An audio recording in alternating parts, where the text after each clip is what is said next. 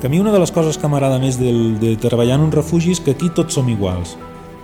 Saps? O sigui, el que entra per aquesta porta, jo no sé qui és, jo no sé de què fa, saps? Però tots som iguals. Dormirem tots al mateix puesto, siguis qui siguis, menjaràs el mateix que tothom. Potser a baix, a la vall això no, no hi és tant, saps? Però aquí, a la muntanya i en un refugi encara, encara, encara funcionem així, saps? Jo sempre dic que, això és la república independent de Juclar. no parlem de política, no parlem de res, saps? Estem a la muntanya, llavors parlem del que vulgueu i altres històries, però les mandangues de la vall les deixem a la vall, saps? Som els primers que ho fem, eh, quan pugem, deixem els mambos a baix, saps? Aquí venim a estar bé, a disfrutar de la muntanya i, i poca cosa més, saps? I a tractar-nos tots igual. Doncs... Ser guarda de refugi de muntanya és una feina, un ofici, però també un estil de vida. El Roger Ferrer fa uns 15 anys que s'hi dedica. Jo treballava al Coma Pedrosa, jo vaig aprendre l'ofici al Coma Pedrosa. Uh, a mi em va ensenyar l'ofici la Margaret. Jo vaig estar uns quants estius allí i quan uh, van obrir el refugi de Juclar, que ara fa uns 15 anys, eh, en aquell, aquell any que es va obrir la, amb la Margaret, la Margaret portava els dos, saps? I llavors ja estàvem aquí. Després va néixer la Jana, vaig parar un any, però després ja ho vam tornar a reenganxar. O sigui que pràcticament fa 14-15 anys que m'hi dedico.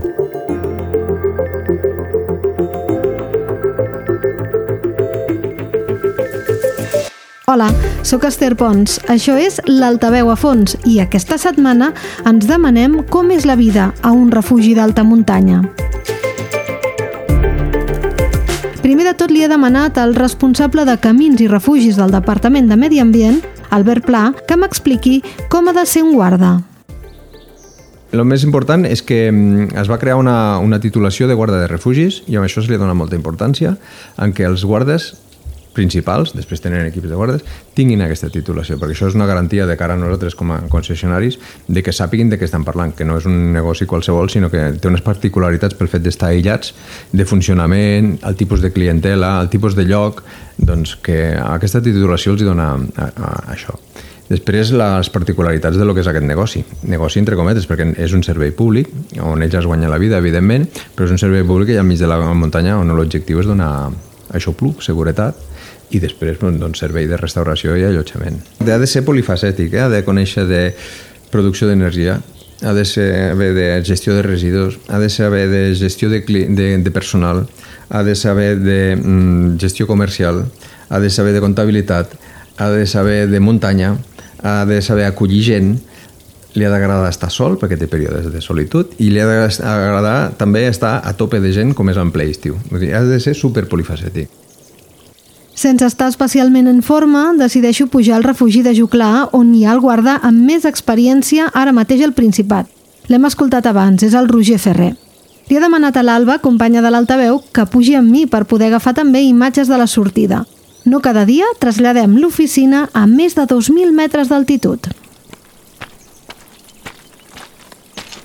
Doncs ara són les 8 i 20 del matí, estem a la vall d'Incles amb l'Alba i ens disposem a, a pujar fins al refugi de Juclar per, per parlar amb els seus responsables i veure com és això de, de passar sobretot l'estiu i, i alguns hiverns també a, al refugi, un refugi on o s'hi arriba a peu o s'hi arriba amb helicòpter. Ens han dit que el camí de pujada és una hora i mitja, comptem que amb nosaltres anirem una mica més a poc a poc, per tant, comencem aquí a, a aquest reportatge. Dues hores després arribem al refugi, situat a 2.310 metres d'altitud. Hem parat per esmorzar i admirar el paisatge. A dalt ens espera el Roger, que està acabant de netejar el menjador. És un dimecres de la primera setmana de la temporada i hi ha força gent, un grup d'estudiants canadencs i algun altre turista. El Roger ens explica com funciona el refugi. Aquí tenim nosaltres el, el menjador. Vale? Mm Eh, nosaltres tenim capacitat per 45 persones, més o menys, eh, en les habitacions i això. Llavors tenim sis habitacions, les habitacions són compartides. Eh, i... Quanta gent hi ha cada habitació? Depèn, tenim tres habitacions de 9 llits i tres habitacions de 6 llits. Val? Llavors, home, si no estem a tope mirem de que més o menys la gent tingui la seva privacitat, estigui més còmodo, però quan estem a tope toca compartir, saps? Llavors no n'hi no, no ha un altre, eh? Els refugis és així. Sí, sí, sí. Um, i llavors, per exemple, bueno, aquí el menjador doncs, és on fem els esmorzars i que normalment comencem a les 7 del matí o 3 quarts de 7 fins a quarts de 9 l'esmorzar i després tenim també el tema de, dels sopars, que els sopars comencem també a quarts de 8 fins a... fem una horeta, de quarts de 8 a quarts de 9. Vale? I dinar, feu dinar o prepareu alguna cosa? Per sí, sí, sí, sí, també. Llavors, clar, la gent, que, la gent que puja de dia o això, doncs sempre mirem de tenir un menú tipus, saps? o un plat del dia, saps? O tot el tema d'entrepans, freds, calent, creps, saps? Una mica el que tenim aquí a la carta, saps? Que bueno, que és el que dèiem abans, no? En funció de que no sempre tens de tot aquí dalt, llavors, eh, hòstia, tenir la carta en marxa a vegades hi ha coses que, que no hi són, saps? Però sí, sí, tothom menja aquí, no es queda ningú sense menjar, hòstia, no fotem. El guarda té que fer un munt de coses, eh, nosaltres també cada dia al matí ens llevem a fem els esmorzars, després els, dels esmorzars entres a netejar tot el, tot el refugi, després de, de netejar ja et comences a liar amb el tema de dinars, Um, sempre a la tarda tens una estona lliure, però després dels dinars sempre comença a arribar la gent que es queden a la nit, llavors els has d'instal·lar i això, i cap allà a les 5-6 de la tarda ja comences amb els sopars, saps? Llavors és bastant, bastant a, a pinyó el dia, eh? T'explico també una mica com funcionem amb els clients, eh? Sí. Nosaltres quan, quan arriba la gent de vinguin d'on vinguin, mm. eh, sempre recomanem que la gent reservi abans de venir, perquè tenim places limitades, sobretot juliol i agost, eh? No. Però per exemple, evidentment que si ve algú i no, no, no té reserva, doncs som un refugi, no, no el deixarem penjat i sempre trobes una solució, eh? o que si tens ple que pugui dormir lliure, que pugui dormir el menjador o que pugui posar la tenda de campanya i això, saps? I un, i un plat a taula no li negues mai a ningú. És això que et dic, saps? No som no sé, som, som un refugi, la filosofia d'un refugi de muntanya, a nosaltres ens agrada molt pues, com pues, els refugis de tota la vida, no? del costat català, del costat francès, Llavors és, no deixa de ser un aixopluc, saps? I, i aquí té cabuda tothom. Una miqueta aquí tothom, la gent pot fer el que vulgui, eh? en, en, en sentit de tu pots venir a demanar-te la mitja pensió, pots venir a més a dormir i cuinar-te el teu menjar, eh, pots dormir en tenda i venir a més a sopar, saps? Llavors és una miqueta en, eh, que cadascú pot utilitzar el, la instal·lació de la manera que, que vulgui. Però sí que és cert que quan arriba la gent nosaltres li remarquem tres o quatre pautes que també ens ajuda a nosaltres després el, el tema de la gestió, saps? Llavors sempre li expliques a la gent, bueno, els registres, i després de fer els registres els instal·les a l'habitació, els hi expliques així per sobre quin és el, el funcionament no? dels ous secs, totes aquestes històries, les dutxes eh, i els horaris sobretot, saps? I, i que siguin respectuosos amb els altres i que disfrutin de l'entorn. També ens fa de guia perquè coneguem els entorns. Era? Allò de baix al fons de tot, aquelles, allò que es veu, aquelles marques, allò és l'estació de Pal. Vale? Sí. Ah, vale, Llavors, aquí, allà sí, allà ah, a la dreta. Aquí tens el coll d'Ordino, allà al fons, eh? Sí. I, i allà al fons de tota l'esquerra tens el ah, Carroi. Allò és Carroi, vale? és veritat. Sí, sí, sí. Llavors, aquesta vall que entra aquí és la vall de Ciscaró, mm. vale? aquesta és la tosa de Ciscaró que ens separa de, de les ah, sí. dues valls. Aquí al darrere hi ha sí, Ciscaró. Sí, just aquí darrere Ciscaró. Vale. Que s'hi pot anar en vist des d'aquí dalt, no? Perquè jo havia sí, anat camí... des de baix, però des d'aquí dalt també hi ha un sí, camí Sí, veus on hi ha aquella clapa de neu i aquella tartera? Sí. Doncs passa per aquella tartera i baixa ja cap a Ciscaró el camí. Vale? És un camí que té 8 anys, més o menys, que és bastant nou. Bueno, en realitat es va fer per enllaçar ah, tota la circular d'Andorra, sí. Sí, sí, després, bueno, això és la depuradora del refugi, tota l'aigua, perquè sàpigues una mica com funciona i tots els pals que has de tocar, eh? Això, Imagina't. Cada cop que has d'anar a arreglar alguna cosa, el karma et puja, eh? Saps què vull dir? Llavors, eh, aquí tens no! la, la depuradora de, del refugi, però està molt bé perquè és totalment... Nosaltres som totalment sostenibles, saps? Ecològics. Llavors, fem el tractament allà de tota l'aigua residual, residual del refugi i quan surt, través, després dels filtres, ja no és perjudicial pel medi i l'anem analitzant. I allò d'allà que teniu una estació estació? O... Sí, allò és una estació meteorològica francesa. Ah, francesa. Vale? Sí, del costat francès. Llavors recull dades tot l'any, és, auto, és automàtica. És no, no, ah. no, no, no, no, no. però està instal·lada aquí. Abans n'hi havia una més, a, més amunt, al segon llac, eh? I aquella runa que heu vist a baix, bueno, les, Sí. sí. aquell forat que hi ha, allò era, és la galeria d'aigua del llac, Mhm. i aquella runa d'allà és la, la cantina de, on vivien els treballadors de Fassa. Vale, és el que... Vale. Ho han comentat perquè m'ha- m'havien dit uh, bueno, pues això, que, que abans de que hi haguessin els refugis hi havia les, les Sí, cases, els sí, sí, les ca- on, on sí, havien sí. estat eh, treballant per fer el... Sí, a mi em fascina eh, aquella història d'aquella època de, de Fassa, el que van fer aquella gent en aquella època i tal, Mm. increïble. I aquell, aquells anys, penseu que aquí van estar treballant a finals dels 30, van estar un parell d'anys. Increïble. 38 i 39, re- em sembla, eh? Llavors vivien aquí, aquí hi havia 21... Tinc alguna foto molt xula recuperada de la- de l'Arxiu Nacional que tenen, eren 21 treballadors i un cuiner. Sí, sí. I tot ho feien amb mula. I fixa't tu l'època, eh? és espectacular. Eh? Nosaltres tirem en plaques solars i tot això, però ells van fer pujar l'electricitat, ells tenien llum. Llavors, al llarg del camí encara trobes alguns puestos on anaven els, els pals de la llum i això. Llavors, ell aquí tenien electricitat. També em crida molt la curiositat d'això, no? el lloc on està on van fer la, la cantina. Si t'hi fixes, nosaltres aquí ara fot vent, mm. allà és un lloc molt arrasarat del vent, a prop de la tartera que per, per tenir pedra, i l'aigua del llac els hi arribava per gravetat. Nosaltres, si volem aigua, l'hem de puar, saps? Això és mirant cap al sud. Fem el tom al refugi i ens enfoquem cap a França. el pic d'Escoves i el pic de Noé, a darrere hi ha el Ciscà, vale? i aquell és el, coll, el coll de l'Alba, aquest tan gran, Sí. saps? Uh, el coll de l'Alba nosaltres el, és, és el que et comunica amb, amb l'Hospitalet, pres l'Andorra. Vale? D'aquí hi ha l'estany de l'Alba, diversos estanys, arribes a l'Hospitalet. I aquesta cresta de llis, la del Ruf al Rul dels nostres veïns, llavors, si puges aquest primer coll, baixes al Juclar francès, vale? que hi ha també dos o tres estanys, i ja arribes a, al refugi de, de Rul. I després aquí hi ha un tom molt bonic que el fa molta gent, això, això, estaria, això ho recomano, eh, perquè no és excessivament tècnic ni llarg. Un cop arribes a la collada de Juclar i passes al segon estany de Juclar francès, dones el tom al pic negre de Juclar que està aquí darrere, estanys de Font Argent, que és preciós, Port d'Incles i Vall d'Incles un altre cop. I fas. I fas una circular molt, molt xula amb poc desnivells. Es nota que al Roger li agrada la feina perquè, més que una feina, és la vida que ha triat. Um, a veure, això t'ha d'agradar, t'ha d'agradar estar aquí dalt, t'ha d'agradar tractar amb la gent, no tens les mateixes comoditats que baix, llavors es fa...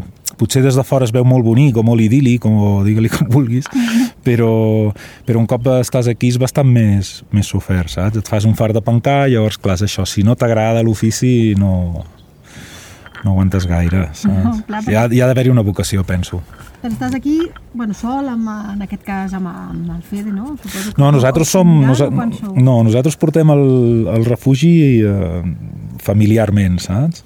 Llavors sempre a l'estiu sempre està la meva dona i jo i sempre està la canalla també. Bueno, ara que es van fent més grans tenen altres històries, llavors costa una mica més, no?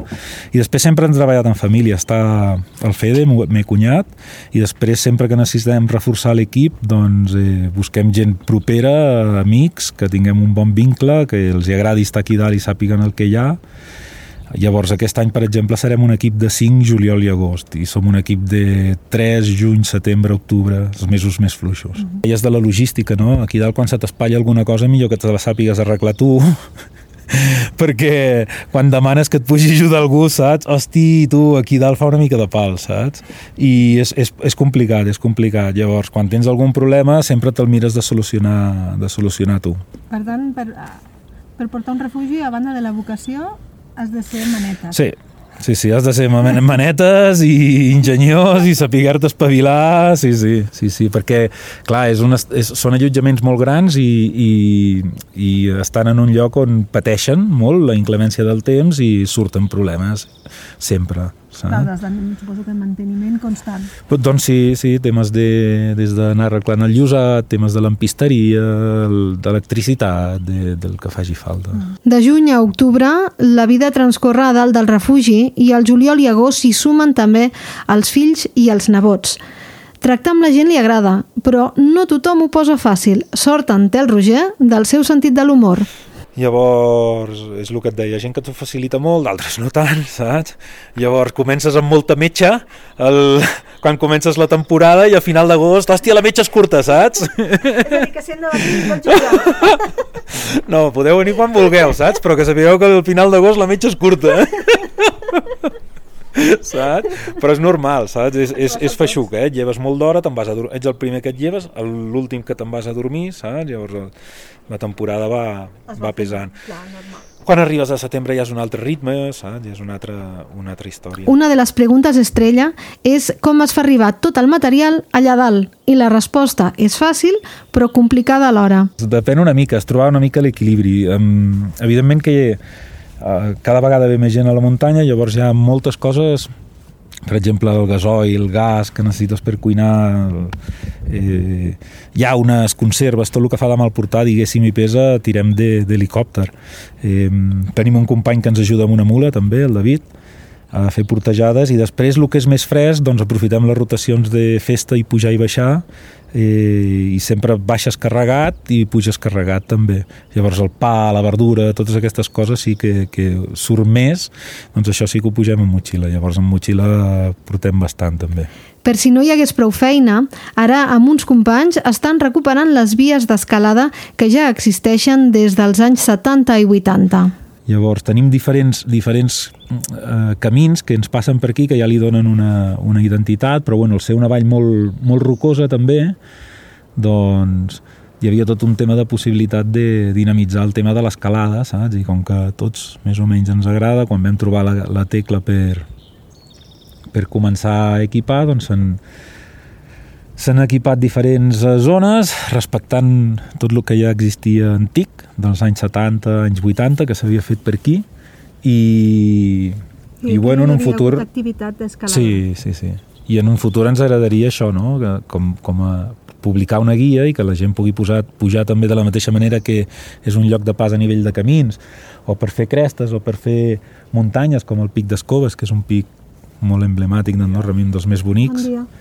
Doncs també que pugui venir gent i quedar-se pues, això, un parell de dies o el que vulgui i, i, i, i disfrutar la vall doncs, eh, escalant.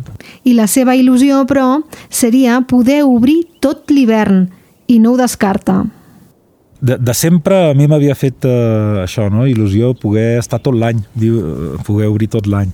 El que passa que és veritat que mm, el xiringuito no està, el refugi no està del tot eh, preparat per obrir l'hivern. Llavors, mica en mica l'hem anat adaptant i sí que és cert que des de fa un parell d'anys hem intentat estar eh, tot un hivern aquí dalt per veure quines eren les necessitats i quina era la problemàtica eh, de, del, del refugi per poder-lo utilitzar a l'hivern i després també l'any aquest, aquest hivern passat hem obert el màxim de temps possible però sota reserva val? amb un mínim de, de grups. Esperem que més endavant puguem obrir eh, més sovint i puguem estar tot l'any obert, però hem de fer una sèrie de reformes, hem de, hem de canviar dinàmiques i això.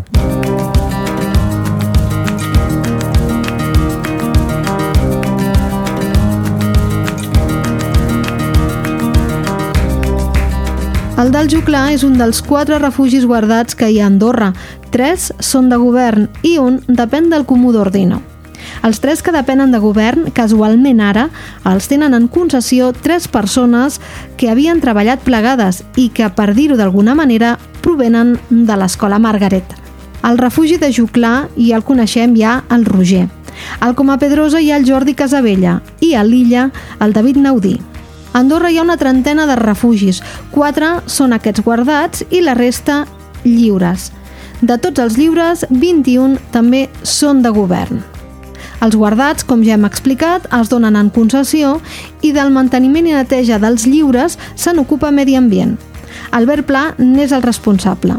Aquí llavors també és un servei públic que en tenim 21 distribuïts en totes les valls d'Andorra i en aquests doncs, l'objectiu principal és donar eh, aixopluc, mm, seguretat i una mica de confort vale? per la gent que va a la muntanya ja sigui a fer senderisme, ja sigui a fer caça, ja sigui a fer pesca, perquè al estar situats en diferents llocs, doncs, evidentment un refugi al costat d'un estany està més freqüentat per pescadors, i el que està en una zona de caça, doncs més per caçadors, i els que estan en els GRs, perquè tenim aquí tres GRs importants, el GR7, el GR11 i després els, els GRs transfronterers, doncs aquests, doncs, evidentment, doncs, tenen una afluència més de turista senderista. Ara que comença la temporada, no està de més recordar les normes bàsiques de comportament, ja que cada vegada hi ha més usuaris d'aquestes instal·lacions. L'any passat se'n van comptabilitzar al voltant de 4.000 a cada refugi ja, ja té un llibre i llavors la gent apunta avui he vingut amb el nen, la dona, estem fent una ruta, gent, als estrangers els agrada molt uh, escriure el llibre i clar, nosaltres amb això tenim una estimació de com a mínim quanta gent ha passat. És possible que és possible i és segur que hi passa molta més gent. Llavors, aquí tenim una estadística de com a mínim la quantitat de gent que ha passat i està en creixement constant, la, la, la freqüentació.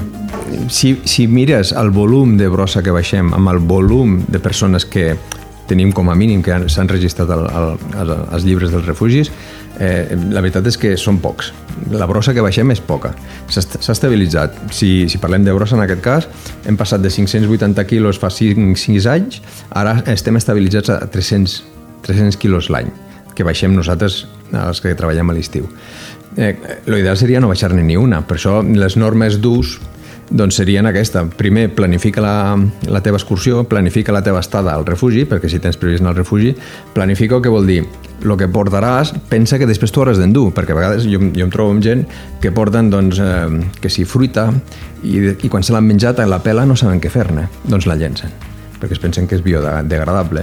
O no, no la volen tornar a ficar, és molt maco portar un plàtan que ja porta la seva pell que protegeix. Quan abans de menjar-te, un cop te l'has menjat aquella pell molesta la pell de plata molesta, no? Embruta la motxilla. Doncs això és no haver-ho preparat abans. Has de preparar de que tu generaràs uns residus, no?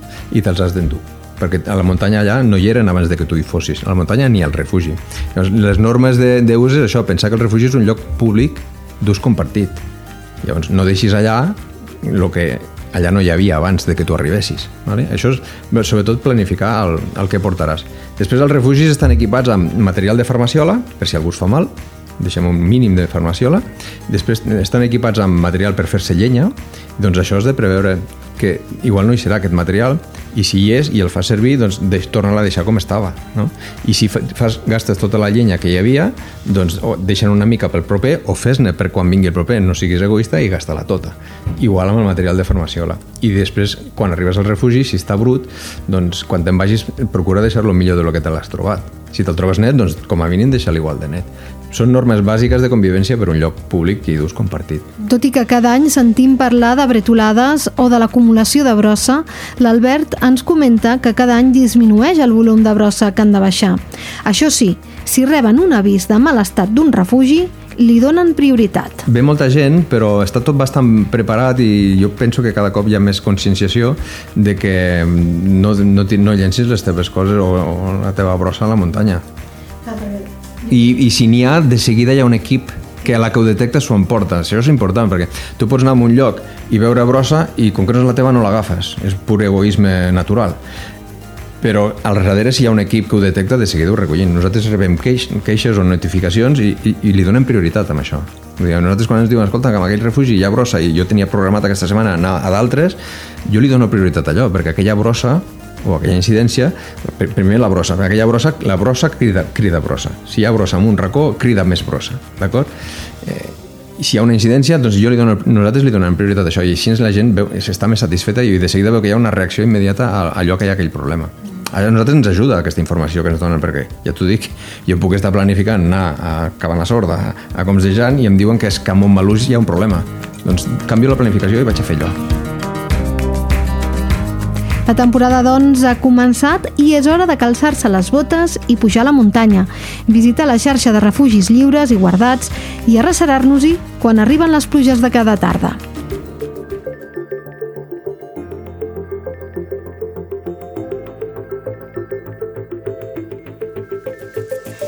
Això ha estat l'Altaveu a fons. Aquest episodi l'ha realitzat qui us parla, Esther Pons, amb la col·laboració d'Alba Baró. Espero que us hagi agradat. La setmana vinent tornem amb més històries.